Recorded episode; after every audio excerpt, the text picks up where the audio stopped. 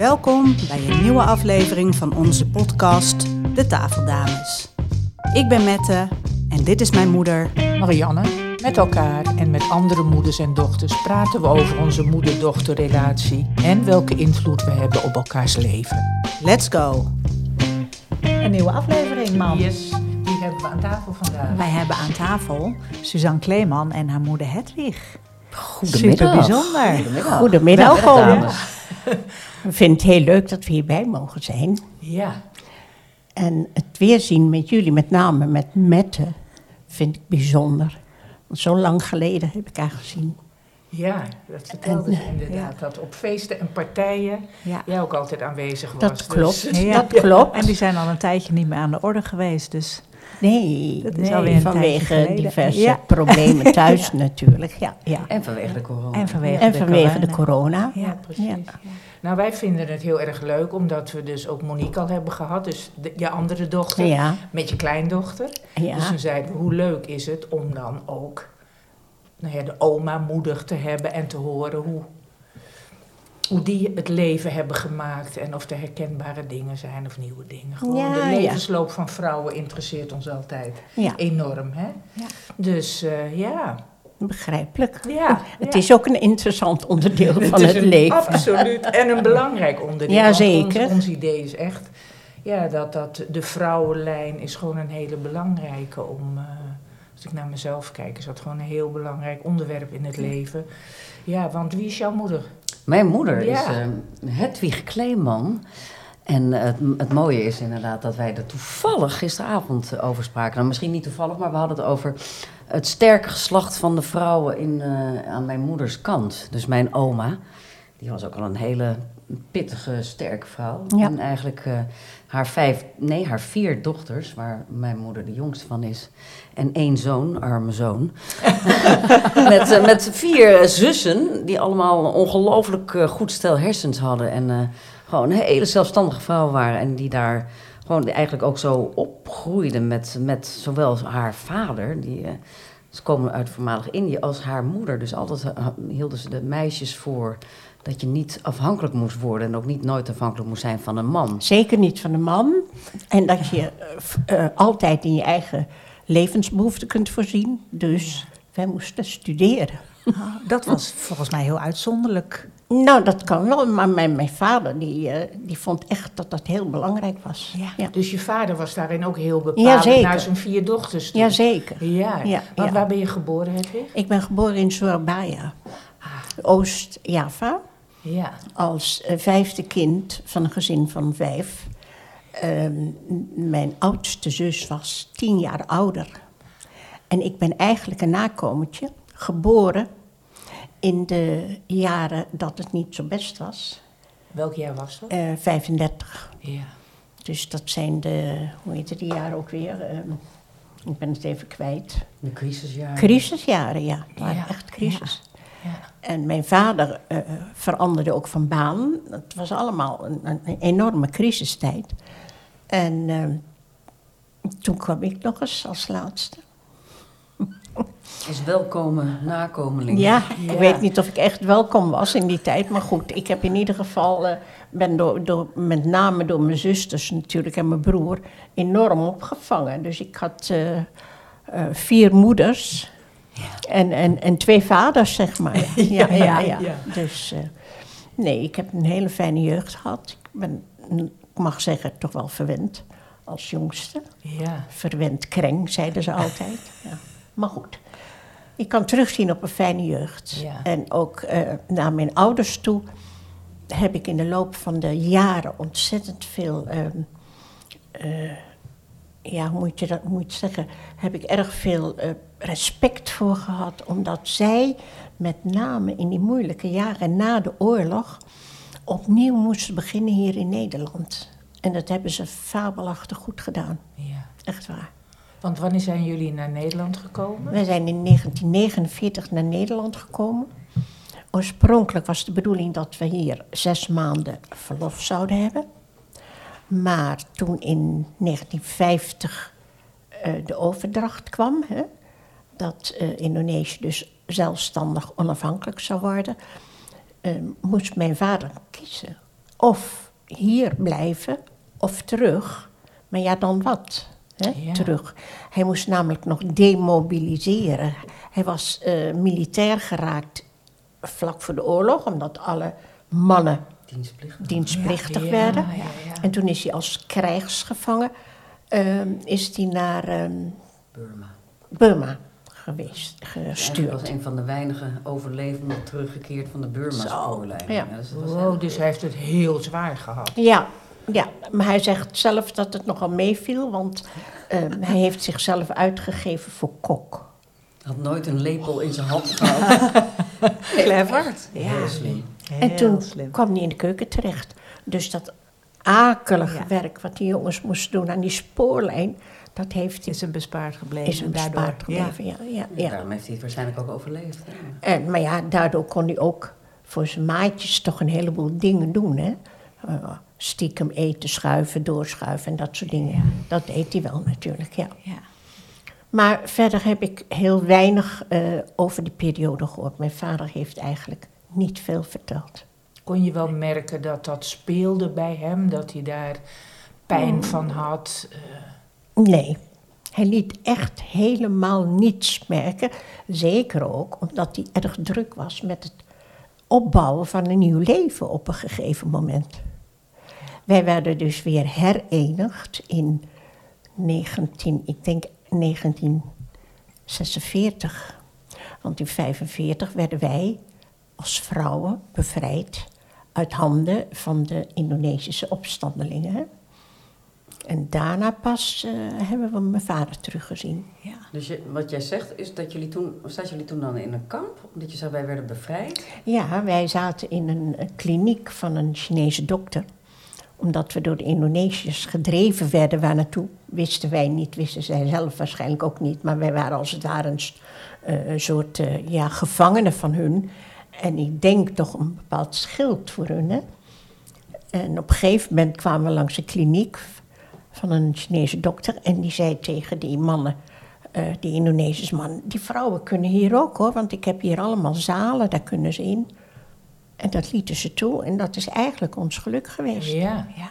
Want daarna zijn natuurlijk, zoals we weten, een heleboel Een heleboel zijn- verkracht en vermoord. Precies, precies. En wij kwamen daar wel op de grond te liggen in die, eh, in die lege zalen. Er waren geen bedden, niks, helemaal niet op de grond. Maar ja, goed, wij hadden wel wat kleding bij ons. Want eh, mijn moeder had gezorgd dat iedereen zijn eigen pukkeltje had, zijn bundeltje. Ja. Dus eh, nou, zo hebben wij dus nou een tijd eh, moeten leven. En wat voor vrouw was jouw moeder? Mijn moeder was een, ehm, een dochter van een, Brabants, een Brabander en een Indonesische moeder. En mijn moeder kwam uit Manado. En ja, ik weet niet hoe ze elkaar hebben leren kennen, maar goed, in ieder geval. eh, mijn moeder is daar een dochter van. Ze hebben daarna nog twee kinderen gekregen, maar die twee kinderen zijn alle twee overleden aan TBC, want dat heerste Dat toen. was toen nog, ja. Heerste, ja, enorm. Dus dat was een heel. Mijn moeder heeft daar altijd nog verdriet om gehad. Dat ze niet dat zusje en dat broertje nooit heeft kunnen behouden. Nee, en wat voor soort vrouw was het? Zij was een, ja, een, mijn moeder bedoel Ja, je? ja. Ja, zelfstandig. eh, wel verwend, want als enig dochter van opa was ze natuurlijk wel verwend, dat begrijp je. Maar andersom ook, zij heeft hem tot het laatst toe, heeft ze hem verzorgd. Hij is altijd bij ons in huis geweest. En, eh, want ja, bejaardenhuizen en zo, dat bestond toen natuurlijk niet. Dus hij kwam gewoon bij ons thuis. Hij had ook een eigen afdelingje. En eh, daar werd hij verzorgd door mijn moeder en door de bedienend personeel, zoals de baboes dan. Hè. En altijd heel apart eten. Hij hield niet van Indisch eten. Hij moest aardappelen hebben, men moest eh,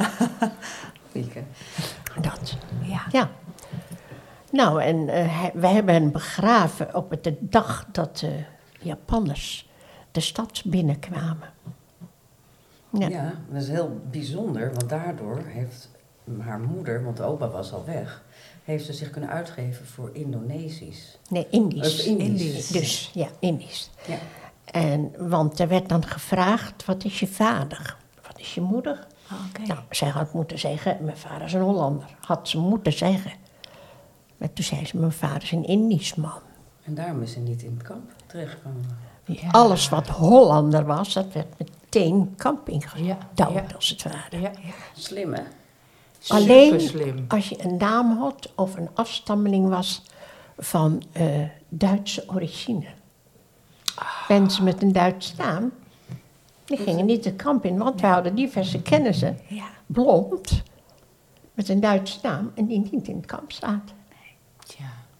Heel typisch, heel typisch Roma. Ja, dus het was Ja. eigenlijk jullie redding. Dus dan moet je je voorstellen, de Hollandse blanke, blanke Nederlander. Dus opa, die stierf op de dag dat de Japanners daar binnen kwamen. Ja, En oma die denkt van, ik zeg gewoon dat mijn vader een Indonesische man is. En daardoor zijn zij dus allemaal Ja. uit, het, Uit de het- Jappenkampen uit- gebleven Ja, precies. Ja. precies. En opa moest natuurlijk weg, want die was natuurlijk, werd op ja die was al als, weg. Die was al die- weg. Als dienstplichtige, maar hoe Die was slim zij weg. dat aange- Maar dat was natuurlijk wel, want ik weet nog wel dat ze oma mij vertelde dat ontzettend spannend was. Want eigenlijk iedereen om hun heen wist natuurlijk dat zij, Ja. dat zij de dochter was van een blanke man. Ja, Dus ze kon door iedereen verraden worden. Dus je moet je voorstellen dat je al die jaren dus toch leeft met de angst van ik word misschien wel eens verraden. Dus dat was natuurlijk ook heel spannend. En, eh, Is ook gebeurd. is het ook gebeurd? Ja, het is Ja. gebeurd, Nou ja, dat zal ook wel natuurlijk. Ja. Er zijn altijd wel eh, NSB'ers op de, op de Op het pad. ja. Echt waar, oh, dat wist ik niet. En toen, wat gebeurde er? Nou, dat gebeurde omdat Lex, er was inmiddels, eh, eens even kijken, Lex was dat is jouw broer, hè? mijn broer, de enige jong in het gezin. En die was niet in het kamp omdat hij nog te jong was, dus hij hoefde niet. Maar eh, gedurende de oorlog werd hij natuurlijk wat ouder. En op een gegeven moment eh, werd er geklopt en gebonkt. En toen werd gezegd dat wij spionnen waren. Want er was nog een of andere ja, oude antenne in de tuin. En dat was volgens hun het bewijs dat wij spionnen Spionnen waren.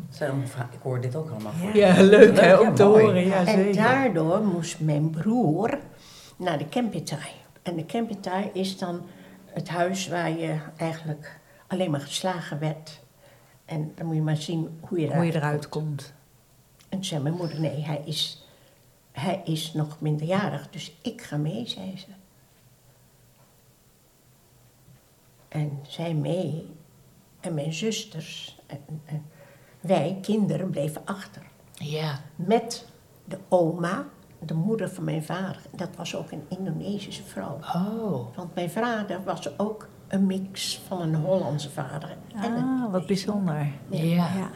Maar die moeder, die woonde bij ons. Dat was onze lievelingsoma. Ja.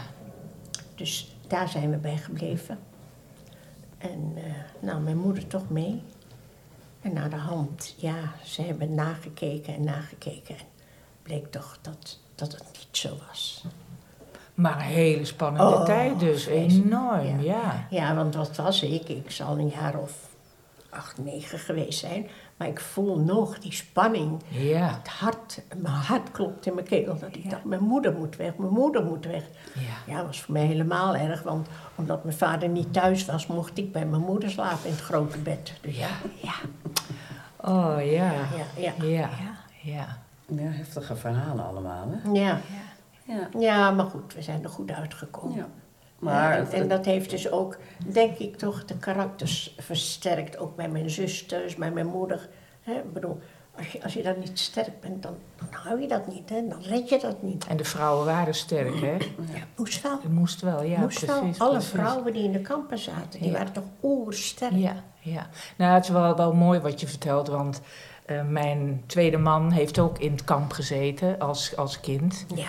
En eh, ja, zijn vader was eh, onderwijzer in Indonesië. Ja, en dan ging, hij ging het mannenkamp in en zij het, eh, vrouwenkamp. het vrouwenkamp met de kinderen. Met de kinderen. Ja, dus ja, ik ben met hem ook daar naartoe geweest om ook te kijken in het kamp waar hij het laatst heeft gezeten, was nu een gevangenis. Dus het was voor hem ook heel, ja, heel, heel heftig om dat te zien en die verhalen te horen en zijn moeder te zien, zijn broertje te zien sterven in het kamp. Dus ja, het was een vreselijke tijd natuurlijk in het Indonesische kamp, ja. Dat is trauma. Ja, is absoluut een trauma, ja. ja. Vreselijk. Absoluut, absoluut. Ja, dan zie je dat, dat wij dan toch nog geboft hebben. Zeker. Als ik die verhalen van, van jou hoor. Ja, Toch? Ja, ja, ja, absoluut. absoluut. Ja, Ja. dat vind ik wel mooi dat je zegt dat je geboft hebt. Want aan de andere kant, weet je, dan zien we nu wat er allemaal gebeurt in, eh, in de Oekraïne. En dat Ja. al die mensen moeten vluchten. En eh, nou ja, mijn moeder heeft eh, een, een hele lieve Joodse vriendin. En die heeft ze dan aan de telefoon, zegt mijn moeder tegen die Joods... God, dat moet bij jou wel allemaal weer herinneringen naar boven brengen. En ze hangt de telefoon op. Ik zeg, pardon? Ik zeg, die vrouw was drie. Jij hebt het helemaal meegemaakt. En die vrouw zou niet tegen jou zeggen van volgens mij, die heeft geen idee eigenlijk Ja. wat er met jou gebeurd is. Ja. Maar dit is zo typisch, hè? Dat is gewoon de, de mensen van Indische afkomst, die hebben het daar niet over. Nee, want wat kreeg jij ervan mee dan, Suzanne, vroeger? Van, Nou, wij kregen er niks van mee, want er werd niet over gesproken. En op een gegeven moment begon oma. eh, want oma was dus... mm, Ja, wij waren heel goed met oma. Mo, Caroline en ik. Wij met z'n drietjes, de drie Ja. dochters dus. Wij, eh, wij waren gek op oma. Dat was een portret hoor, Johanna. We noemden haar ook altijd Johanna. en dat is jouw moeder, hè? Dat Hedwig? is jouw moeder. Ja, Ja. ja, Ja, en ze staat zelfs nog met mij en Mo op de, op de voorkant van ons album Precious. Dus het was een pittige tante, was het. We waren gek op haar. Dus we gingen ook wel, toen we wat ouder waren, gingen we wel bij haar langs zonder dat mama erbij was. En dan ging ze, dan ging ze vertellen, dus als ze op de stoel. Dan vertelde ze wel. Ja, en dan begon ze te vertellen. Ja. En dan kwam ik weer thuis en zei, mam, nou... Ik zeg, zo weet je dit? Ik zeg, ja, dat heeft oma verteld. Nou, zegt ze, dat heeft ze mij nooit verteld. Weet je, dus dat was wel heel bijzonder dat ze dan dacht van, op een gegeven moment van... Oké, ik moet nu wel dingen gaan vertellen. Want anders gaat het verloren voor alle generaties. Ja, ja, ja, ja, ja. ja. Ja, en, ehm, en gelukkig hebben we wel het geluk gehad dat jouw broer een boek geschreven heeft. Hè? Ja. Eigenlijk over, over Indië. Dus we, we weten Over wel die periode. over die periode. Ja. Voor zijn zonen. Dat, eh, want het is al wat ik zei, er wordt, er werd gewoon niet over gesproken. Nee. Maar je voelde altijd wel dat er een enorme lading was. Weet je, dat we gewoon, ja, not done. Daar had je Ja. het niet over. Nee. Ja, dat is geweest, wat mijn moeder ook zei, dat de vader ook geen tijd had om erover na te denken. Door met het hè, in de toekomst kijken, niet terugkijken. Niet terugkijken. Nou ja, en wat ik ook wel hoorde was dat eh, na de oorlog, de mensen die terugkwamen uit, uit Indië, ja, die moesten niet klagen. Want Nee, ja, nee, die, nee, die, nee, eh, tenminste, dat hoorde ik van mijn man dan. Nee, Ja, ja, die eh, hadden niet geleden.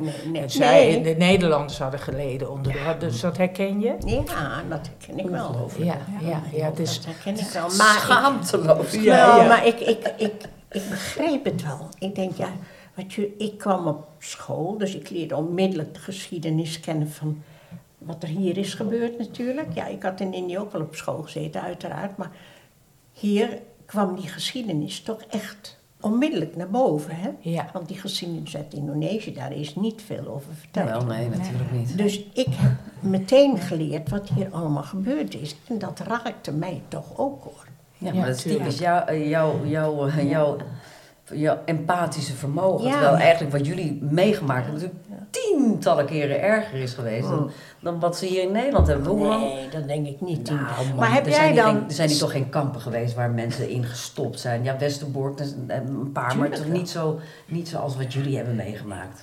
Echt niet hoor, sorry. Maar je zegt, je moeder is heel em- empathisch, Ja. zo ken je haar. Ja, dat is wat ik zeg, weet je wel. Ja. En Ja. die- haar vriendin, die van Joodse afkomst is, die dat, daar is het heel erg voor. Terwijl ze hebben alles, huis en raad, alles achter zich moeten laten. Ze zijn Ja. gevlucht naar Nederland, komen hier aan met niks. Komt aan in, eh, hier in Rotterdam en komt terecht in, omdat er geen plek is voor haar. Dus mm, de ouders weg naar een of andere bovenverdieping. De zussen die wonen, gingen vanuit Indië naar Amerika. Eén zus ging mee, die want die waren ouder. En zij komt hier alleen aan als kleine Hedwig.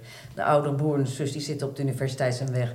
Ze is alles kwijt. Ze wordt neergezet bij de nonnen in, in eh, Rotterdam. Het enige overgebleven instituut aan de Koolsingel.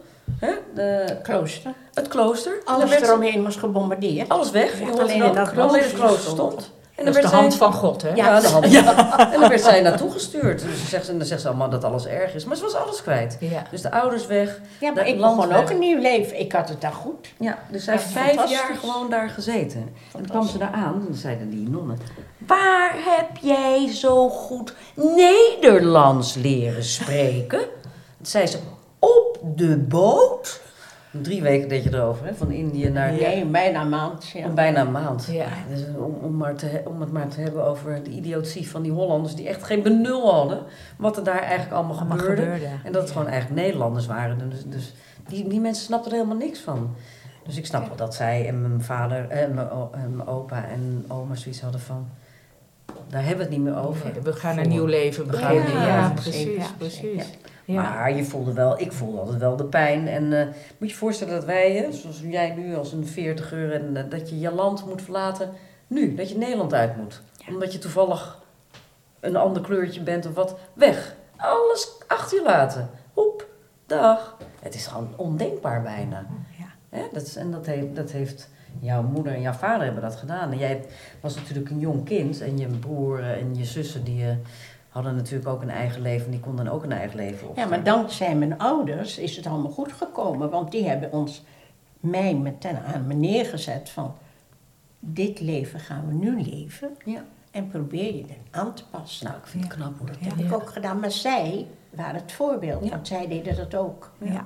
Ja. Zij zijn heel goed geïntegreerd in, in, Ja. in Holland. Ja. Ja. maar dat is sowieso die hele Indische gemeenschap natuurlijk. Hè. Die zijn ongelooflijk goed eh, geïntegreerd. En wat heb jij, Suzanne, gemerkt eh, in jouw opvoeding hiervan? Of überhaupt in... Nou, ja, kijk, ik bedoel, ehm, ja, het is wat ik zeg. Mijn moeder is gewoon een, eh, een hele sterke vrouw. En die- toen wij als kind, toen Mo, de jongste dus van ons, naar de kleuterschool ging, dat was in de jaren 60, toen was er een gigantisch tekort aan. 70. Monique is van 65. Ja, we gingen in 69 naar de kleuterschool, toch? Ja. En eh, toen, eh, er was een gigantisch lerarentekort. En mama, die was ondertussen, ze was lerares. Voordat ze dus ging trouwen met papa, was ze onderwijzeres al. Toen had ze al gevraagd op de school waar wij, waar wij op zaten, waar we, in de buurt waar wij woonden, of zij les kon komen geven. Nou, dus toen Mo op de kleuterschool zat, toen eh, begon zij als, eh, Invalkracht. als invalkracht. Ja, Ja. en in no time werd ze dus vaste kracht. Dus ja, wij hadden een werkende moeder. Dat was En jij zat Dat ook is daar heel bijzonder in die Ja, tijd. dat hoor. was Ja, ja, Ja. Maar ik absoluut. had gelijk vakantie met de kinderen. Ja, ja. Dus dat was... Maar als ik kijk naar mijn periode, ik bedoel, ik ben wat jonger, daar werkten de vrouwen nauwelijks nog. Ik was een van de weinige werkende moeders, dus ik kan me voorstellen in jouw periode dat er nog veel minder Ja. werkende moeders waren. Inderdaad, maar binnen het onderwijs waren die er wel meer. Ja, omdat- precies. Omdat er Ja. zo'n tekort was. Hè? Ja, ja. Want toen Monique een baby was, werd ik gevraagd door iemand van... Neem je kind mee, we hebben een kamer waar je kind kan voeden. En toen- als je maar voor de klas komt. Een beetje, Ja. beetje zoals nu weer. Ja. gigantisch. Ja, weer. gigantisch tekort, ja. Ja. Nee, doe het niet. Ik zeg, ik doe het niet. En ik ben blij dat ik het niet gedaan heb. Want ik heb genoten van die periode dat Monique klein was. En dat zij dus al naar school waren. En ik met Monique alleen lekker van alles en nog wat kon doen. Ja. En Monique ook hoor. Waar gaan we naartoe, mama? En hoe was het om moeder te worden, Hedwig? Ja, heerlijk. Zelf? Ja. Heerlijk, ja. Ja, die eerste keer. Dat was geweldig, ja. Ja, nee, dat, eh dat Want wie, wilden wie, we. wie was je eerste kind? Caroline. Ja. Ja. En Caroline is geboren in het Ons Lieve Vrouwen. Want wij woonden toen nog in bij mijn ouders. Ja, woning was moeilijk. hè. Oh ja, natuurlijk. Dus wij woonden daarin en hadden geen ruimte. Althans, dat wilden wij niet. Ons eerste kind moest in het ziekenhuis geboren worden, klaar. Met onze eigen huisdokter erbij. Die heeft me helemaal behandeld. En eh, nou ja, ging je voor tien dagen. Tien dagen Ja, dat was de kraamtijd, hè? Ja. ja. Ja, ja. Tien dagen. Nou, Ja. dat krijg je nooit meer vergoed tegenwoordig. Ja, Nou, ja. nee, dat moest je ook wel zelf betalen. Maar kinderen, Nee, maar dat gaat helemaal niet meer. Dat, gaat Dat was echt niks. Voor die tien dagen betaalden we geloof ik 300 gulden. Ja, ja. Maar toen was het inderdaad, je bleef tien dagen, was je kraam. Ja, zeker. En daarna gingen jullie met Caroline naar huis. Ja. Ja. en daar was mijn moeder erbij. Ja. Kijk, ik had meteen mijn moeder erbij, dus dat Ja. was, was le- luxe, hè? Lekker luxe. Ja. Ja, Als je het goed ja, hebt met ja. je moeder. Ja. Ik kan me voorstellen Ja. als dat niet zo is, dat het niet maar per se... dat, dat ging prima. Ja. En met mijn vader ook, dus dat, we hebben een heerlijke periode gehad bij hem En, thuis. en wanneer zijn jullie daar weggegaan? Wij zijn er weggegaan in 1962. En dat was voor jouw ben- geboorte, ja. Ja. Zij is daar in het nieuwe huis Ja. geboren. Ja. In een strenge winter. Oh, In de strengste winter van eh Wanneer was dat? 1963. Ja, De winter van de Elfstedentocht. Ja. Ja, Ja, exact. De beruchte, de beruchte, de beruchte Reinier Paping won hem. Ja, ja. Ja. Toen, dus, toen de, zelfs de zee bevroren was. Ja, ongelooflijk. Was een, ja, je kon op straat schaatsen. Ja. Nou, Inderdaad. ja, ja, precies. Wat voor moeder? Is zij? Wat, wat, Ja, wat heb je een- van haar geleerd? Ja, nou sowieso de zelfstandigheid. En eh, zelfs hetzelfde wat zij eigenlijk van haar moeder had meegekregen en van haar vader. Gewoon ja, zorg dat je van niks of niemand afhankelijk bent. En eh, je moet je eigen broek ophouden. En eh, nou ja, gewoon, gewoon geleerd om... En ook doorzettingsvermogen hebben we ook geleerd van hun. Een bepaalde kwaliteit die eh, toch wel handig, handig is in het leven. Dat je soms mensen heel snel bij de pakken ziet neerzitten. Maar dat komt in het vocabulaire van eh, zowel mijn vader als mijn moeder niet voort. Maar gewoon een eh, stevige, lieve, warme, eh, sociale vrouw. Ja, gewoon een heel innemende persoonlijkheid. En ik, ik kom nog dagelijks kom ik mensen tegen. Of ik nou in, waar was ik nou laatst weer in een dorp in Meidrecht. En dan komt iemand naar me toe die naar de ramen staat te lappen. En die zegt, jouw moeder is mijn onderwijzeres geweest. En dan kom ik weer ergens anders in het, in het land. Maar ja, kijk, ze is natuurlijk 40 jaar heeft in het onderwijs gezeten. Ja. Ja. Ze is jarenlang directeur geweest van drie verschillende basisscholen. Dus iedereen kent mevrouw Kleeman. Ja. Dus dat is ja. wel, en dus ja, en dan ben ik, en altijd dezelfde, dezelfde dat, ze, dat het zo'n lieve en eh, mooie en bijzondere vrouw was. Dus nou ja, dat is wel heel goed om te horen natuurlijk als kind, hè, dan ben je natuurlijk wel trots. Zeker. En dat herkende jij ook wel als dochter? Of was dat... Ja, nou dat was al, omdat ze, ja, ze had ja, toch waarschijnlijk toch aanzien, maar dat heb je zelf natuurlijk niet door. Dat had ik eigenlijk pas wat later door met Mo. En dat ging natuurlijk, dat ging ook gepaard met jaloezie van mensen, weet je. Dat ze zoiets hadden van, oh, dat is toch wel, eh, hè, die, die man, eh, meneer Kleeman, die laat zijn vrouw lekker vrij. En die mevrouw kan alles doen. En eh, dat was toch ook wel, dat, dat merkte hij toch ook wel, dat er ook wel jaloezie was naar mijn moeder toe. En ook naar het gezin, dat het allemaal zo'n perfect plaatje was. Dus Ja. dat, was, dat was, met name was dat helemaal eigenlijk schaamteloos toen mijn, onze oudste zus overleed. Dat een collega van mijn moeder zei, "Hm, geen leuke collega, nou het was ook allemaal te mooi om waar te zijn. Hè? Ja, ja, Oh, ja. en dat soort dingen, weet je wel. Dat soort, Ja. ongelooflijk. Maar, Ja. maar ja, En zeg maar tegen je man dat ik het heel erg voor hem vind. Niet tegen Niet tegen jou. Nee. Nee. Nee. echt afschuwelijk. Ja. En, en, eh, en, en eh, besprak je dingen met je moeder? Oh, eh, dit- Nou, nee, nou ja, kijk, mm, pas later in, in mijn jeugd was ik altijd weg. Zei, doei, ik was altijd weg. Dag, ik ben weg. Maar ga je doen? En dan, was ik, dan had ik de deur al dicht gedaan. Hè. Ik besprak eigenlijk, ja, ik was echt, ik leefde zo mijn eigen leven. Ik denk dat Caroline me niet meer met, je, met jou bespraken. Maar ik was altijd, ik was altijd eeuwig op, naar av- op zoek naar avontuur. Hoe was dat voor jou? Ja, nou ja, goed. Ik, ehm, ik vertrouwde er wel toe, want, want ik wist wel dat zij toch wel eh, slim genoeg was om, om de, ja, de juiste keuze te maken. Dat weet ik natuurlijk niet, maar ik denk die komt wel op de pootjes terecht hoor. Ik, keek- ik keek natuurlijk wel heel goed wat voor vrienden of vriendinnen ze had. Hè? Want dat vind ik sowieso belangrijk. Met wie ga je die kinderen om, hè? Hmm. Ja. Toch? Maar je had zoiets van, nou, ze is stevig genoeg om Ja. goede keuzes te Ja, maken ja, en zo. ja. Want jij vertelde net dat je zus is overleden, eh, jouw oudste dochter. Konden jullie dat delen met elkaar? Die, dat verdriet en die rouw? Het was heel moeilijk. Ja. Heel moeilijk in het begin. Ja, ik was echt alles kwijt, hè. Ik wilde niet meer, ik wilde echt niet meer. het was allemaal zo nee. plotseling. Ik heb er ook helemaal niet meer gezien. Dat mocht Je hebt het niet gezien? Nee. Nee, dat mocht niet? Nee. Nou, het kon niet. Het kon niet. Kon niet, nee, nee. Het Nee. kon niet, dat heb ik dus begrepen. Maar dan maak je een voorstelling van, hoe Ja. Is dat ongeluk geweest? Ja. Ja. Ja. Nou ja, ze- we moeten misschien voor de luisteraars misschien wel even een kleine aanvulling is dat ze samen met haar man verongelukt is met een helikopter met z'n tweetjes. En, eh, haar man René vloog en ze zijn in slecht weer beland. Ze woonden in Zwitserland en ze zijn in de bergen van Zwitserland dus eh, verongelukt. We zijn eigenlijk in een, eh, ja, wat noemen ze, cycloon noemen ze dat daar, Ja. zijn ze Ja, ja, ja, terechtgekomen. En toen ja. zijn ze dus... Valwind, hè? ja, een valwind. En, ja, en eh, ja, het nare was dat ze dus, ja, zoals ze dat dan, ja, hoe kan je dat netjes zeggen, we zijn echt bij elkaar geraapt. Dus er was eigenlijk niks meer van Nee, hen over. nee. Dus ze, ze konden niet meer eh, gezien worden. En ik kan me voorstellen dat je dan ook niet gelooft Nee. dat het... Nee, Je dat hebt het niet gezien. Je hebt het echt. niet En- gezien, en- en hè? Ja, dat is... eh, Nee, het was heel moeilijk, want ja, je krijgt in eerste instantie te horen dat je zus is overleden of je kind. Dan- Wie hoorde het het eerst? Hoe ging mijn, dat? mijn vader werd in de nacht gebeld. Ja. Door de- Half, half één s'nachts kwam het telefoontje. Van zondag op maandag. Maandag zou de school weer beginnen. Eh, dat was 5 januari. In 6 januari zou de school weer beginnen, geloof ik. Ja, dat was net na de kerstvakantie. Ja, natuurlijk, ja. En, toen, en de telefoon is op de gang bij ons. En toen hoorde ik dat geluid van mijn man. Ik denk, daar is iets aan de hand, dat is niet goed.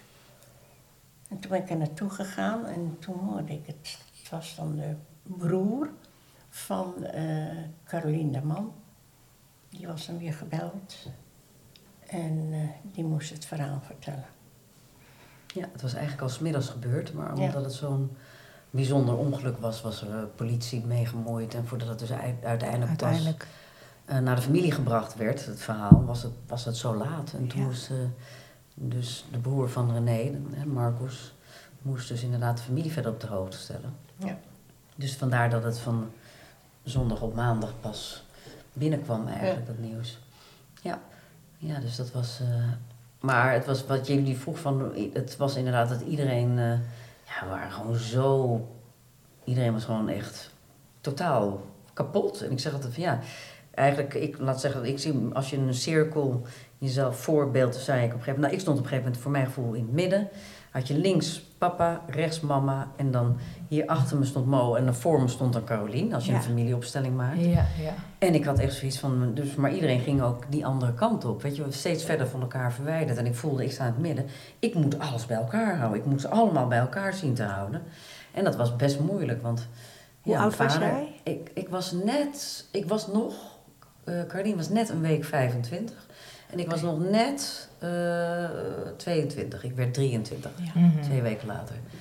En eh, nou, Mo en ik waren net begonnen met Lois Lane. En dat was ook grappig, want Carolien had mij eigenlijk voor één keertje mee laten doen. Omdat eh, de achtergrondzangeres of de andere zangeres van Lois Lane er niet was. En toen werden wij ontdekt. Toen dacht ik, nou, ik blijf heel even bij Mo in de band. Maar toen verongelukte dus eh, twee maanden later Carolien. Dus toen dacht ik, nou, dan blijf ik sowieso. Want we hadden altijd een hele, ja, een hele hechte band. Met z'n drieën hadden jullie een hele hef- ja, echte ze noemden band, ons ja. altijd de drie-eenheid. En ondanks dat Carolien al vijf jaar op dat moment al in Zwitserland woonde, zagen elkaar nog zeker drie of vier keer per jaar. Misschien zelfs vaker. En we belden altijd. Dus we waren altijd nog heel close. En toen dacht ik, ja, ik ben er nu één kwijt. En nu ga ik van alles doen bij, om... Ik, ga, ik laat Mo niet meer van mijn zijde. En toen daardoor ben ik eigenlijk bij Lois Lane gebleven. En is waarschijnlijk Lois Lane ook zo'n groot succes geworden. Mhm. Maar ja, ik had natuurlijk ook mijn ouders met hun eigen verdriet. Zij sprak er niet over, mijn vader sprak er niet over. Mo wilde er al helemaal nergens over hebben. Die wilde er absoluut niet over hebben. Dus ik had zoiets, jezus, hoe gaan we dit doen in je eigen hoofd? Weet je? Dus ik, voor mijn gevoel moest ik de boel bij elkaar houden. Dus ik begon bij Mo, om Mo maar zo dicht mogelijk bij me te houden. En daardoor ben ik dus eigenlijk bij Lois Lane gebleven. Maar op een gegeven moment werd het natuurlijk niet alleen maar daardoor. Maar dat werd omdat het natuurlijk succes kwam. En eh, ja, dat was natuurlijk een prachtig verhaal uiteindelijk. Maar het was Maar je wel... zegt, je kon mijn moeder niet bereiken. Nee, ik kon mama niet bereiken. En papa kon mama ook niet bereiken. En eh, ja, het was echt, och, het was echt hartverscheurend. Want ik dacht van, ja. Want je weet ook nu, zoveel jaren later, weet je ook dat heel vaak... Ja, dat 50% of 60% zelfs van ouders die eh, een kind verliezen uit elkaar gaan. Ja. Ja, ja, omdat ze niet bij elkaar in de buurt kunnen Precies, komen, inderdaad. Ja. Ja, Want hoe ging dat Hedwig bij jou? Want je zei, voor, voor mij was het klaar Ja, eigenlijk. Het Ik wilde klaar. niet meer. Ik wilde ja. niet meer, maar ja, ik bedacht me op een gegeven moment wel. Ik denk, ja, dat mag ik niet denken, want ik heb nog twee dochters. Die hebben ook recht op mij natuurlijk, hè. Ja. Dus daar moet je ook eh, rekening mee houden. En mijn man. Wanneer kwam, kwam daar een omslag bij jou, weet je dat nog? Eigenlijk toen ik weer aan het werk ging. Het klinkt gek, maar het schoolbestuur zei tegen me... je blijft thuis zolang je dat nodig vindt. En op een gegeven moment, mijn man precies hetzelfde. En op een gegeven moment zeiden we, wat doen we eigenlijk hier? We moeten weer aan de slag. Want dan verzet je je gedachten. Dit was niet goed om alleen maar te blijven treuren. Dat was helemaal niet goed. Nee. En dat hebben we toen ook gedaan. En van lieverlee, ja, weet je, dan krijg je toch de tijd, naast het feit dat je ook je werk hebt, wat je alle twee graag doet, heb, krijg je toch de tijd om bepaalde dingen weer op een plek neer te zetten. Hè? Zo is het eigenlijk gekomen. En kon je toen ook weer met eh, Mo met, en met Suzanne Mo en eh. Ja. erover praten en verbinden en, en Ja. samen rouwen, lukte dat toen? ja, Nou, nog Nou, niet echt. niet Nee, echt. nee. We deden dat wel op de dagen dat bijvoorbeeld Caroline de verjaardag, Caroline de verjaardag deden we het met elkaar. Dan kwamen we wel bij elkaar. En ook uh, sterfdag. En van Ja. René ook natuurlijk. Ja, Dat deden we wel hoor. Ja. ja, ja. Maar het was best wel moeilijk. Best wel moeilijk. Het lijkt me ongelooflijk moeilijk een kind Afschuwelijk. te verliezen, ja. Afschuwelijk. En het, je raakt het ook nooit kwijt. hè. Nee. Het verandert nooit. Nee. Je blijft, je blijft er maar. Het enige wat niet verandert, is je herinnering aan haar. Ze wordt er niet ouder. Nee, Nee. nee, nee, nee, Nee. nee, dat is... Dat is ook wel weer gemeen, want we denken iedere keer, god, zie... Dat ziet zij er goed uit. Ja, ja. Ja, precies. Nou, en ik kan me herinneren, Hedwig, maar ik weet niet of... of want toen mijn manchef eh, eh, met Lois Leenveel op pad ging... en ik kan me herinneren, ik weet niet precies hoe het gegaan is... maar dat jij wel ook tegen hem gezegd hebt... wees voorzichtig met ze. Ja. Want ik heb, er, ik heb al een dochter Ja, verloren. hè. Dus ja, ik kan me ook voorstellen, je kwetsbaarheid... eh, Tuurlijk, dat blijft. Ja, Ze blijven Ja. allicht. sowieso. Maar, Sowieso natuurlijk. Hè? maar hierdoor heel kwetsbaar. Ja, ja. Maar ja, ik denk toch dat ieder op zijn eigen manier rouwt. Hè? Zo moet je het ook zien. Mhm. Ieder rouwt op zijn eigen manier. Ja, ja, en de kunst is om, de- of de kunst, het is dan heel belangrijk om toch te kijken hoe steunen we elkaar. Maar Ja.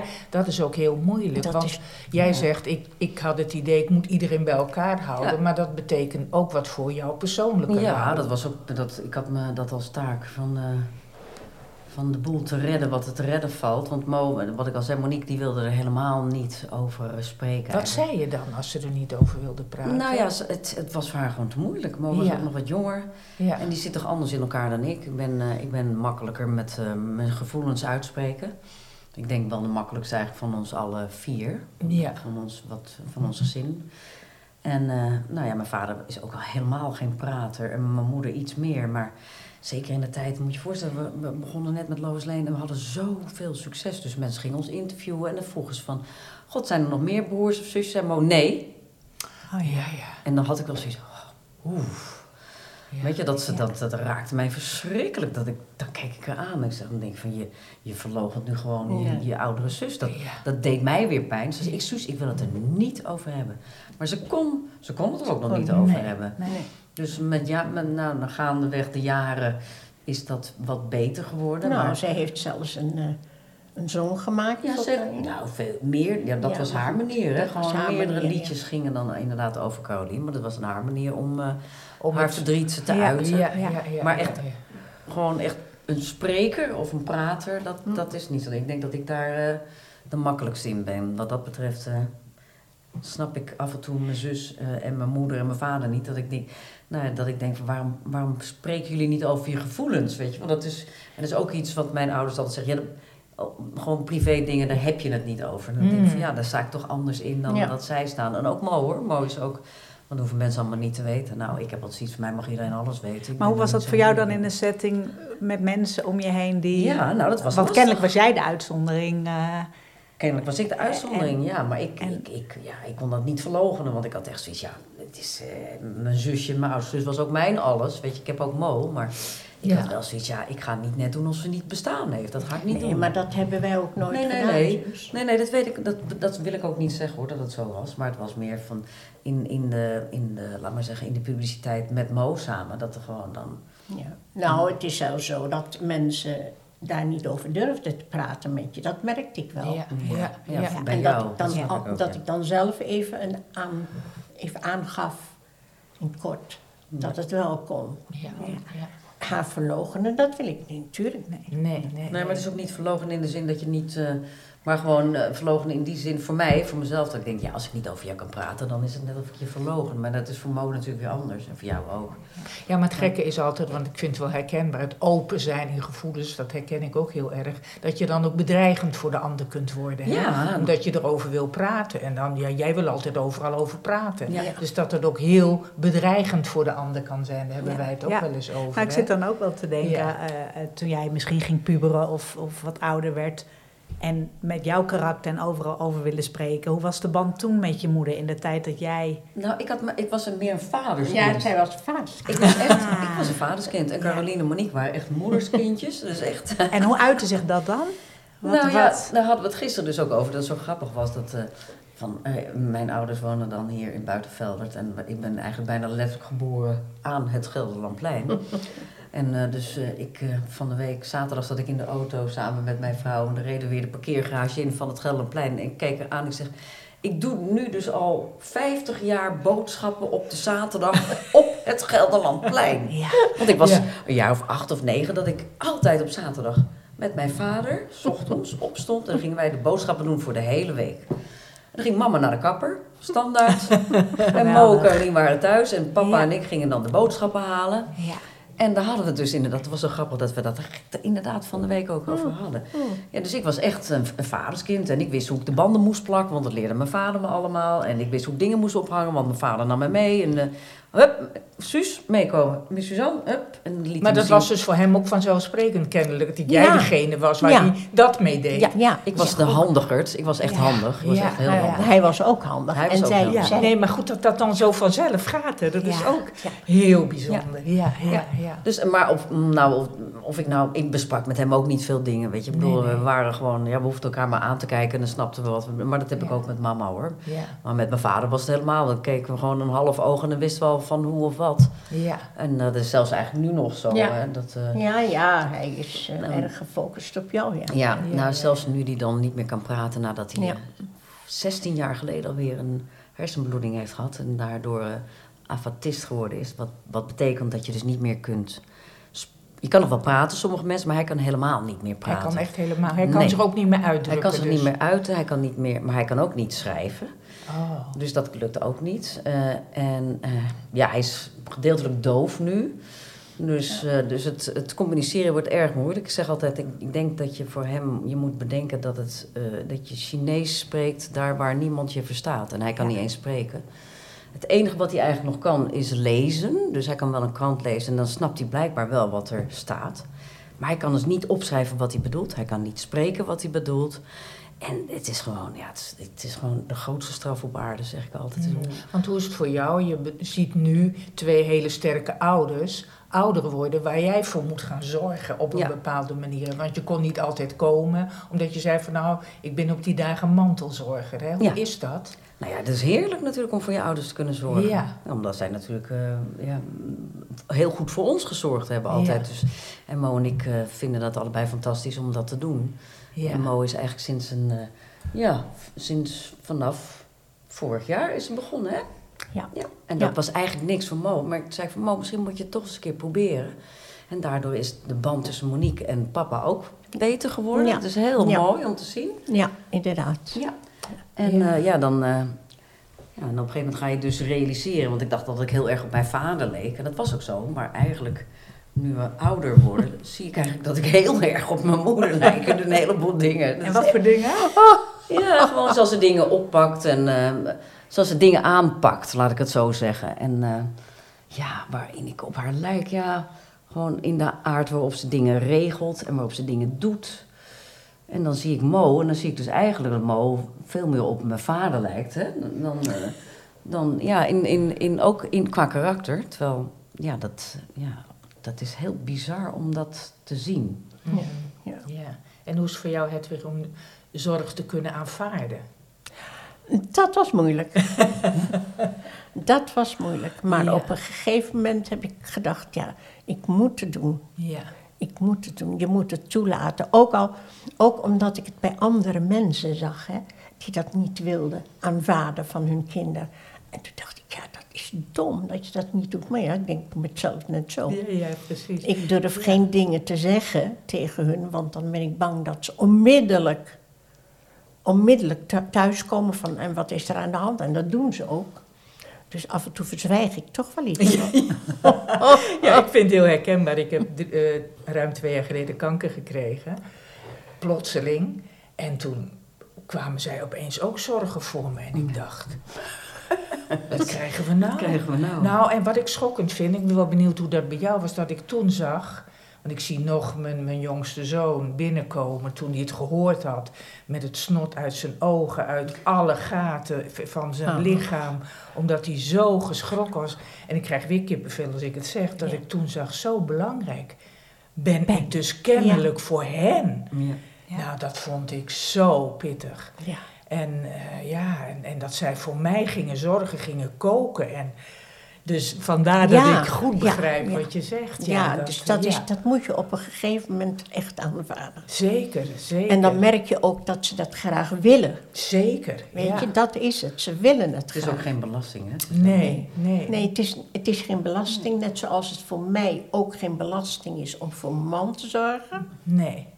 Dat gaat allemaal vanzelf. Ik denk, zo moet ik het ook zien van hun uit. En zo is de loop uit. van het leven, dus Ja, kennelijk. ja. Dat dat kantelt. Dat en, kantelt, ja, ja. dat moeten aanvaarden, dat Ja. is wel, weet je, jeetje. Maar het is natuurlijk fantastisch dat je Ja. zulke kinderen hebt. Absoluut, het is een enorme Oh, rijkdom. Dat Dit is geweldig. echt... ja. Zouden we kunnen zeggen, dag, oh, van, Oh. wat vervelend. Ja, wat- Nou, dag mam, Ja, bel je volgende week ja nee. Dus. Nou ja, en dat ik ook merkte, en dat merk jij natuurlijk ook, dat ze met elkaar contact Ja, houden. ja, over wie wat gaat doen. En denk je, jeetje, er lopen allemaal lijntjes, wat gebeurt er? Ja, Dus ja, dat is precies. ook eh, ja. heel ja, op een gegeven en moment regelen ze alles. hè. Ja, Nou, en ik kan me ook voorstellen, jullie zijn allebei ook opgevoed en dat herken ik ook, van je eigen broek ophouden en Ja. kom op, Ja, ja, gewerkt zal er worden. Ja. En daar zit zo'n mate eh, urgentie tot zelfstandigheid in, om dat dan over te geven Ja. en voor je te laten zorgen, kan ik me voorstellen dat dat nog een extra drempeltje opwerpt. Ja. ja, ja, Omdat je zeker. altijd zo geleerd hebt om voor jezelf Zelf te, te- moeten, te ja, moeten en ja, te willen inderdaad. zorgen. Ja, Nou ja, ja. er zit een grote kracht in natuurlijk, maar ja, dan niet meer. Dus dan zul je moeten kijken, ja, ik moet me overgeven Ja. nu. Ja, ja, Ja. ja, precies. Nou, en want dan- op een gegeven moment was het wel zo dat jij natuurlijk de, de zorg, mantelzorg, dat papa steeds minder kan. Hè, ook, ook, ook lichamelijk gaat hij behoorlijk achteruit. En hij is langzaam aan het dementeren. Hij is hartpatiënt, hij is suikerpatiënt. Eh, nou, dan is die afasie eh, is er natuurlijk. En, eh, dus het is op een gegeven moment wordt het gewoon te zwaar. Ja. En ik zag, en toen zeiden van ja, mam, eh, of jij gaat nu omvallen, en, of papa. Maar kijk, als jij omvalt, dan is papa binnen een week ook weg. Want Ja. zo gaat het vaak. Hè? Ja, zo gaat het die heel vaak, voor de ander zorgt eerder verdwijnt dan. dan ik zeg, Dan nou, en dat, dat, dat willen we niet. Weet je? Nee, dus je nee. moet nu echt die zorg gaan aan accepteren. En nou ja, dus langzaam wordt de zorg steeds groter. Maar zij kan zichzelf nog behoorlijk goed eh, redden als het over haarzelf gaat. Maar omdat daarnaast natuurlijk die zorg van mijn vader zo groot wordt, en Ja. Is het voor haar af en toe ook echt wel heel zwaar, vind ik nu. Ja, Ja. ja. En daarom, eh, maar gelukkig eh, laat ze meer toe dan vroeger. En, en, En af en toe verzwijgt ze wat. Dat heb je En ook Dat hoor je net, hè? Dat hoor je net. Dat Dus ik denk dat daar wel even dat is de grote. stevig ondervraagd moet worden. Ja, ik, nee, ik vind het er goed recht hoor. Ik, Nee, niet uiteraard. Dat is natuurlijk. Een heel ander onderwerp. Jij valt op vrouwen. Is dat ooit een lastig issue geweest Nou in ja, kijk, dat gezin? is, het, het grappige is dat mensen altijd zeggen, jij valt op vrouwen. Maar dat is dus niet zo. Ik Nee, vind nee. mannen ook leuk. Ja. Ik heb eh, altijd meer relaties nog gehad met mannen dan met vrouwen. Maar ik ben uiteindelijk al nu al heel lang bij, ik ben al bijna 32 jaar Ja, met mijn ja. vrouw. Ja. Dus dat is, Ja. ja, het is echt onwaarschijnlijk lang. Dus ja, dan, eh, ja, dus nou ja, dat is, nee, het is bij ons thuis nooit een issue geweest. Maar, was er een moment geweest dat je deze mededeling ging doen? Of, Nou ja, of, ik had op een eh, gegeven moment een vriendin, dus ik moest wel vertellen thuis dat het niet een vriendin Een was, maar ja, mijn, mijn vriendin. vriendin? Ja. Nou, mama vond het wel, vond het wel even, even shocking, maar mijn vader die, eh, die zei, het enige wat mijn vader zei, nou dat is wel jammer, want dan krijg ik geen kleinkinderen van je. Ik zei, ja, hoe kun je dat nou zeggen? Want er zijn genoeg mogelijkheden. Ja. Dus, Ja. Zei, nou, dat, Ja, toen nog niet natuurlijk. Nee, hè. dat was Nee. nog niet zo heel Dat- gebruikelijk. nou ja, toen had je ook al, maar- toen had je ook al de bommoeders. Had je, zeker, Ja, die bestonden ook al hoor. Ja. Ja. Ja. Ja. Ja, maar eh, nee, eigenlijk was het... Ja, en je woont natuurlijk in Amsterdam en het is een heel... Maar vond je het lastig om te vertellen? Nee, ik vond het niet lastig, maar op een gegeven moment Nou, zei... wij zagen het toch wel niet zo. Ja, nou, op een gegeven moment zei die Ja. vriendin natuurlijk van... Ja, ik wil niet meer leuk bij je ouders komen slapen en net, net doen of er niks aan de hand is. Nee. Oké, oké, Oké, dat snap ik Ja. wel. Ja. Ja.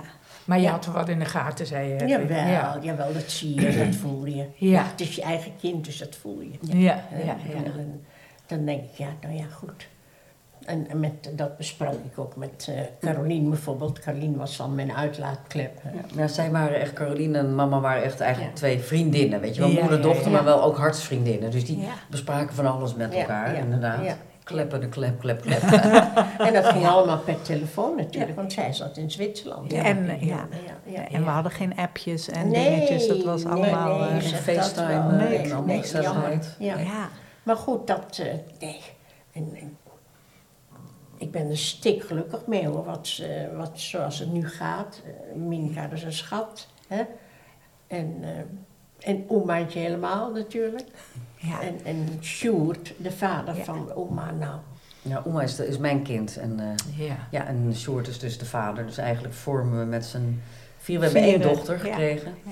Dus met z'n vieren, dus eigenlijk met de vader die ook in het spel is. Ja. Vraagt en- iedereen altijd van, is hij dan ook van de mannen? Nee, hij is niet van de mannen, maar Nee. hij is gewoon ontzettend leuk. Hij was eigenlijk een van onze beste vrienden. Ja. En hij is gewoon vader van onze dochter. Het is geweldig. Wat een geluk, Ja, hè? het is Ja, zo geweldig. enorm geluk, En ja. dat, dat oma ook gewone, ehm, gewoon contact en een band heeft met de vader. Ja. Ook twee keer in de week bij de vader is. Dus hij is altijd in haar leven geweest ook. altijd, ja. altijd. En eigenlijk sinds de laatste twee jaar, dat is ook echt, want in, toen ze wat kleiner was, wilde ze nooit bij papa slapen. Dat vond ze allemaal eng. Maar dat, op een gegeven moment, twee jaar geleden, was het zo van, nou, nu ga ik, eh, nu wil ik eens een keer bij papa. Dus had ze zelf besloten, nou prima. Dus nu Ja, woont Maar ze ze deels. sliep bij niemand anders hoor, alleen Nee. thuis. Bij mij ook niet, bij die andere oma ook niet. Niemand. Bij Nee. niemand. Maar dat is nu dus veranderd. Dus nu eh, slaapt ze een aantal dagen in de week bij papa en dan bij ons. En een aantal dagen in de week zien we er helemaal niet meer. Omdat het natuurlijk een Amsterdams meisje is. En eh, met ja. de vriendinnen, dan slaapt ze bij die... Dus in het weekend is ze bijna altijd weg. Dus we moeten er nu al delen. We moeten nu En, al eh, afscheid nemen, ja. langzaam. Ja, en hadden jij en Minka dezelfde ideeën over opvoeden en moeder zijn? Totaal. Helemaal. En, en waar... Ja. Nou ja, we hadden sowieso wel iets. We wilden heel graag kinderen natuurlijk. En als je twee vrouwen bent, dan is het een lastig verhaal. Want dan- ja, dan moet je toch eh, buiten de deur eh, gaan, eh, gaan zoeken. En, eh, maar we hadden allebei wel zoiets van, nou, mochten we niet een, een, een geschikt persoon vinden die wij kennen. Dus niet een, we wilden absoluut niet gaan voor de anoniem, anonieme donor. Als we niemand kunnen vinden uit onze vriendenkring of kenniskring die vader wil worden van ons kind, dan, dan is het maar jammer voor ons, maar dan gaan we het niet doen. Want zowel Minka als ik, we zijn allebei, allebei dus vaderskindjes. En dus we hadden zoiets als er een kind komt, willen we dat er ook eh, een mannelijke energie is. Dus niet alleen maar twee vrouwen met een kind of met twee kinderen. Want we weten allebei hoe belangrijk het is dat je ook die tegenhanger hebt. Niet alleen maar die vrouwelijke energie. Zeker, Ja. ja. Dus dat vonden wij heel belangrijk. Ja. Dus daar dachten we hetzelfde over. En eigenlijk over de opvoeding, ja, dat is... Dat gaat eigenlijk, dat doen we nu met z'n, met z'n drieën eigenlijk ook met Sjoerd erbij. Ja. En dat is, ja, dat gaat zo organisch en het is onwaarschijnlijk hoe dat gaat. Dus eigenlijk nul eh, strijd hebben we daarover. Dus dat is heel fijn ook. En ook heel mooi als je de liefde voor je kind deelt, Ja. dan is het ook niet zo moeilijk. Nee, hoeft nee. het niet zo moeilijk te zijn, zo moet nee, ik het het hoeft zeggen. niet. Maar ja, je kan Nee, ja. natuurlijk wel... Kijk, als je zelf... Je komt niet uit hetzelfde nest als partner. Dus het kan zijn dat je ergens anders vandaan komt... en dat je andere ideeën hebt over ja. hoe, eh, hoe een opvoeding behoort te zijn. Of hè, hoe een scholing behoort te zijn. Maar dat is gelukkig, eh, wat dat betreft, zijn we alle drie wel behoorlijk eh, op één... Nou, we staan, we staan we gewoon op één lijn. Nou, ik, ik ben er hartstikke trots op. Ja. Ik vind dit zo geweldig. Ik vertel het ook aan iedereen. Echt. En wat vind je dan het... eh, waar Nou, ben je dan vooral trots op? Het feit dat ze met z'n drieën dat kind opvoeden. In zoveel harmonie en liefde. Nou, dit is toch geweldig? Ja, het is geweldig. Echt. het is voor het kind natuurlijk ook wel behoorlijk belastend. We zeggen, want wij, wij zeggen nu grappig natuurlijk, hè, want we zijn natuurlijk best wel laat ouder geworden Ja, dat allemaal. is zo, ja. Ik zeg, nou, wij hebben dan, eh Mo, Mootje en ik, Monique en ik hebben dan onze ouders om voor te zorgen. Maar straks heb je Oma, die heeft geen broertjes en zusjes, want dat is verder helaas nooit meer gelukt. Maar die moet straks in de eentje voor Ja. drie ouders gaan zorgen.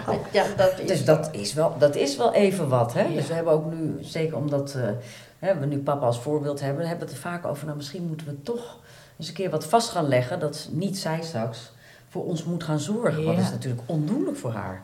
Hè? Kijk, dan hebben, wij hebben dan twee ouders, maar we zijn met z'n tweetjes. En hè, jij ook met je broer en je zus. Ja, we zijn met z'n drieën. Jullie ook met z'n drietjes. Maar als je als enig kind voor drie ouderen moet zorgen, nou dat, dat geef een klusje. Dus Ja. dat is Daar eigenlijk hebben niet jullie slecht over nagedacht. Hebben we heel slecht over nagedacht. Ja, Ja. precies. Maar, Ja. Dus, eh, ja, dus dat, maar dat zijn wel dingen waar je dan wel bij stilstaat. En dat is inderdaad, ja, en dan denk je, ah, dat komt allemaal wel. Maar ja, je weet natuurlijk nooit eh, wat het leven brengt. Dus we hadden ook zoiets, ja, misschien moeten we dat toch eens een keer gaan vastleggen. Dat stel dat er iets met ons gebeurt, dat zij niet voor ons hoeft te gaan zorgen. Oh, dat is een heel goed plan hoor, Ja. dat, om dat eh, vast te leggen. Ja, zeker. echt. Ja. Ja, ja, vaak word je daaraan herinnerd door de situatie om je heen. Ja. Ja, klopt. En dat Ja. is wel. eh, helemaal. En Hedwig, is er ook, los van dat je trots bent op Suus en hoe ze dat met Minka doet, is er iets wat je van haar geleerd hebt? Van Suzanne. Wat ik van Suzanne geleerd heb. Ja. Nou, jawel, dat heb ik wel. Want Suus is altijd heel ehm, open, dat is punt één. Maar zij is ook loyaal, begrijp je? Ze geeft iedereen de kans. En, en ik heb nog wel eens dat ik denk, ik zie iets in iemand dat ik denk, nou, ik ben wel een beetje voorzichtig. En als ik dat dan met haar bespreek, dan zegt mam, dat zie je verkeerd. Dan denk ik, nou ja, misschien zie ik dat verkeerd. Kijk, als je ouder wordt, heb je toch af en toe het gevoel dat je belazerd wordt door de buitenwereld. Want je bent oud. Mhm.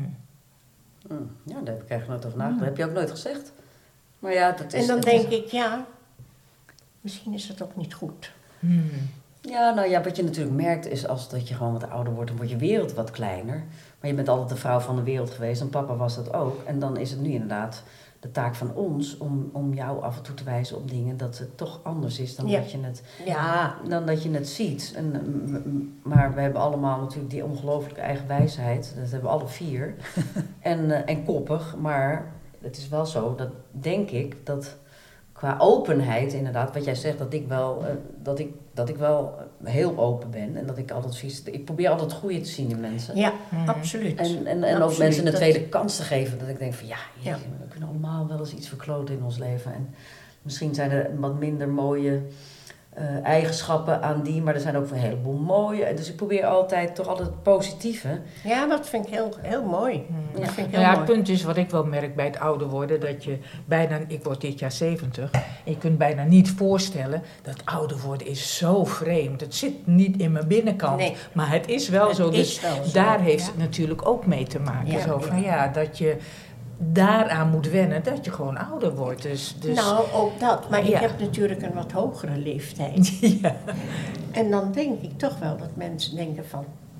Nou ja, afgeschreven. Nou, ik kan het me bij jou niet voorstellen. Nee, maar ja. Ik bedoel, nee, serieus. Ik bedoel, je, je, je oogt zo helder en sterk dat ik denk, nou, het zit volgens mij een beetje tussen je oren. Tussen mijn oren. Ja, denk ik. Ja, Dat denk ik ook. Dat denk ik ook. Ja, nee, maar ik snap ja. wel wat je bedoelt. Want Ja, we hebben zeker. natuurlijk thuiszorg nu voor mijn Ja. vader. Dan heb je toe van die jonge meiden. Ja, En dat zijn eh, niet, niet de allerslimste. En, en die denken dan, oh, we kunnen meneer Kleeman wel even snel, weet je. En dan, dan, dan heb je een hele slechte avond. terecht. Ja. Ja, dus Oh, dat, ja. ik denk dat ze dat, ze- dat, ze dat een beetje Ja, bedoelt. dat Dat, ze dan je denken van, ach, die is toch al oud. En die, eh, Ja, maar die, die, als je jong bent, heb je ook geen idee. En dan Nee, zit geen je daar idee. inderdaad ook, daar Ja. ook naar te kijken. Ja. En dan hoor je ook, bij mijn moeder ook gezien van... nee, mevrouwtje, zal ik u even... Mevrouwtje. Mevrouwtje. Nooit, hè, nee. Mevrouwtje, Echt niet. pardon. Ja, nou ja, Hallo, dat dus. Ja, ja, Ja, ja. dus dat, eh, ja, precies. Ja, ja. We moeten langzaam naar een einde breien, volgens mij. Klopt dat? Ja, dat kan. Ja, want Ja. We, hadden, we hebben gewoon nog een hele luchtige vraag. We Hè? hebben een luchtige vraag. Ja, Stel als jij afsluiting.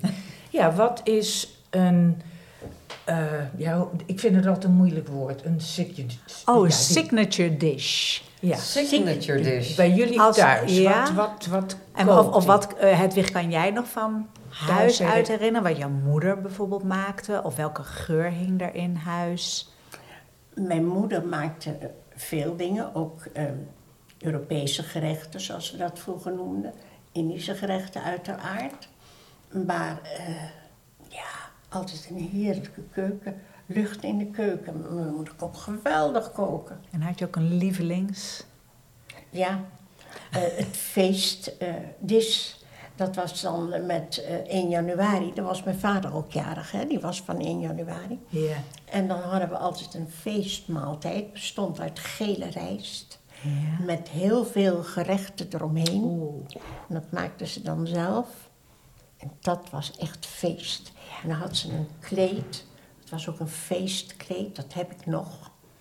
En eh, dat lag dan op tafel. En Dat was een feestdis. Ja. En wat ook eh, bijgebleven is eh, met oud en nieuw. In, dan maakten we, dat was dan in Indië, dat vierden we met vrienden. En dan maakte mijn moeder altijd een, ja, een huzarensalade. Zo lekker. Lekker Nederlands. hè? Nou ja. Ja. en ik weet niet wat erin zit, Nee. zit, zat. Maar wel ananas en bietjes, dat zat erin. En ik heb nooit meer die salade Ooit zo gegeten. En lekker. nooit die Nee. smaak ook meer kunnen Nee, pakken misschien, nee, hè? nooit Nee, meer nee. kunnen pakken. Nee, heel nee. gek. Ja. Maar dat Oh, was ja. oud en nieuw. Ja, oh, wat Met de mooi. familie Broks, die we altijd eh, samen vierden. Leuk. Ja. Feest, ja. Ja. Oh, ik ook voor het eerst die huzarensalade. Nou, kijk eens. En jij. Suus, wat eh, Nou ja, herinner jij van huis? Wat was je... Nou ja, mama kookte altijd, was hysterisch. En dan kwam ze dus thuis van school, hè, moet je je voorstellen. Oh ja. kwam ze thuis, hadden wij dus, een, een, s ochtends gingen we het huis uit en dan werd eh, het vlees of eh, wat dan ook werd uit de vriezer gehaald, zodat het ontdooid was als ze dan om vijf uur thuis kwam. Dan kwam ze om vijf uur thuis, ging ze koken voor ons. En papa kwam altijd om zes uur thuis, moet je voorstellen. Ging ze koken. Nou, en dan hadden we, hadden we bijvoorbeeld carbonade. Maar de ene hield niet van haascarbonade, de andere hield niet van schoudercarbonade. Dus hadden we allemaal, iedereen nog zijn eigen carbonade ook. Hè. En dan, eh, kwam zij, dan ging zij dus koken en dan kwamen wij altijd bij haar in de keuken zitten. En dan, eh, terwijl ze aan het koken was, aten we met z'n allen nog een zak chips op en vertelden we een beetje wat er gebeurd was de hele dag. Zaten ze boven op het aanrecht. Bovenop Oh ja, haard, ja, ja. terwijl zij aan het koken was. Ja. Ja. En dan kwam papa om zes uur thuis. En eh, ja, we hadden eigenlijk één regel, omdat ze allebei nog ook aan het bijscholen waren. Mijn vader die werkte voor de gemeente bij de sociale dienst. En die was ook aan het bijleren. Mama was nog steeds aan het bijscholen. Of die had vergaderingen, s'avonds ouder, weet ik veel wat. Dus we waren als kinderen heel vaak alleen thuis. Of dan hadden wij weer onze clubjes. zo, Hè, dus of eh, tennissen of turnen. Dus, maar er was één regel thuis altijd. En dat was eh, s s'avonds tussen zes en acht moesten we dan thuis zijn, als het dan kon. Hè. Dan gingen we eten. En dan was het gewoon, de, namen we met z'n allen de hele dag door. En daarna vloog iedereen weg. Dan ging de ene dit doen en de ander dat doen. Maar dat, is, eh, dat was altijd fantastisch. En dan kon, er, kon iedereen mee eten, vriendjes, vriendinnetjes. Maar wel gewoon om zes uur thuis eten. De avondmaaltijd Dat was heilig. Ja. Dat was heilig. Ja, En dat ja. vond ik echt een ongelofelijke Maar ook daarna altijd kleppen met elkaar. Ja, als het kon. Ja. Ja, ja, ja, ja, maar ja. vaak, ja, dan moest de ene naar dansles en de Ja, andere ja, ging weer. Maar dat was Ja. natuurlijk het moment waar iedereen... Het moment, eh, dat ja. was eigenlijk één, dat was één gouden regel. Gewoon om zes Ja. uur thuis eten en dan mag iedereen mee eten. Maar dat was gewoon het moment dat je gewoon even met elkaar contact had. Want dan vloog iedereen weer zijn eigen kant Ja. op. Ja. En eh, nou ja, wat, wat ik eigenlijk, wat ik me heel goed herinner, want wij, ik hield als kind helemaal niet van Indisch. Ik vond het, eh, en het eerste wat ik lekker vond, want, want mijn moeder had het net over die feestmaaltijden bij oma. Nou, dan maakte oma voor de kinderen, voor de kleinkinderen, er waren er een hoop, macaroni met ham en kaas. Kaas. En dat aten wij of rijst met boter en suiker.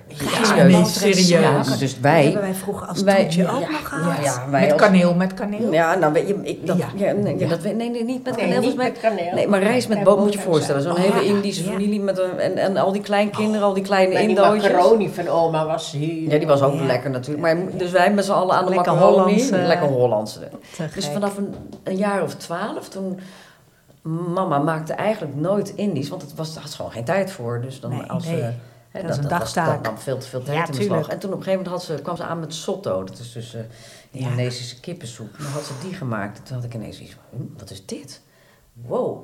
En dat was eigenlijk mijn allereerste Indische gerecht. Weet je wel, mijn, mijn smaak, de eerste keer dat mijn smaak verrijkt werd met de Aziatische keuken. En vanaf dat moment was ik 12 jaar oud. Moet je je voorstellen, al die jaren daarvoor, nee, niks, alleen maar Hollands. Boter, kaas en eieren en gewoon huppatee, groente, vlees en Carbonade. aardappelen, huppatee. Ja, lekker, eh, lekker carnivoor. En toen ineens dus die sotto, dus ik dacht, wat is dit? En toen ging er echt een hele wereld voor me Wauw. open. Hmm. En die sotto, die eh, maak ik Ja. zelf ook nog graag. En dat was eigenlijk de, de, de poort naar, eh, naar eh, de Aziatische keuken. En toen was de beer los. En toen, Ja. en toen dacht ik Toen- ineens, jezus, dat heb ik al die jaren gemist. Ja, ja, maar ja. sotto, dat is echt wel Ja. het gerecht wat jij dan maakt. Dat was ook echt mijn lievelingsgerecht. Ja. Ja. Los Ja. van alle andere dingen. En, en kalfsragout maakt. En dat maak je nog steeds met kerst. Dat maak je voor de kinderen altijd. Ja. Kinderen en kleinkinderen. Kalfsragout, dat willen ze allemaal. De ragout van oma willen ze altijd. heerlijk, ja. Heerlijk. Classic, ja, Ja, classic. Ja. Ja, ja, Ja, ja, leuk. Mooi. signature. Dish. Dish. Ik vind dat zo'n Ja. moeilijk woord. Ik zo'n, krijg eh, die zo'n, Het is een lastige, ja, signature is toch wel... eh, Signature, ja. Ja, Signature. Sig- signature. Ja. Signature. Ja. Mooi. Ja. Ja, leuk. Leuk. Dank jullie wel. Ja, dank jullie wel. Jullie ook Ja, bedankt. dan, ik vond het een erg leuk gesprek. Ja, En- dat is en, wederzijds. Ja. Ik zeg proost op het leven. Proost op het eh, leven. Ik heb eh. weer, ik, ik heb weer een, een nieuw verhaal eh, van mijn moeder. In onze volgende aflevering kijken we samen terug op dit gesprek. Benieuwd? Stay tuned. Ben je benieuwd naar wat we allemaal nog meer doen? Volg ons op Instagram, het moeder en dochter samen, of check onze website www.moederendochter.com.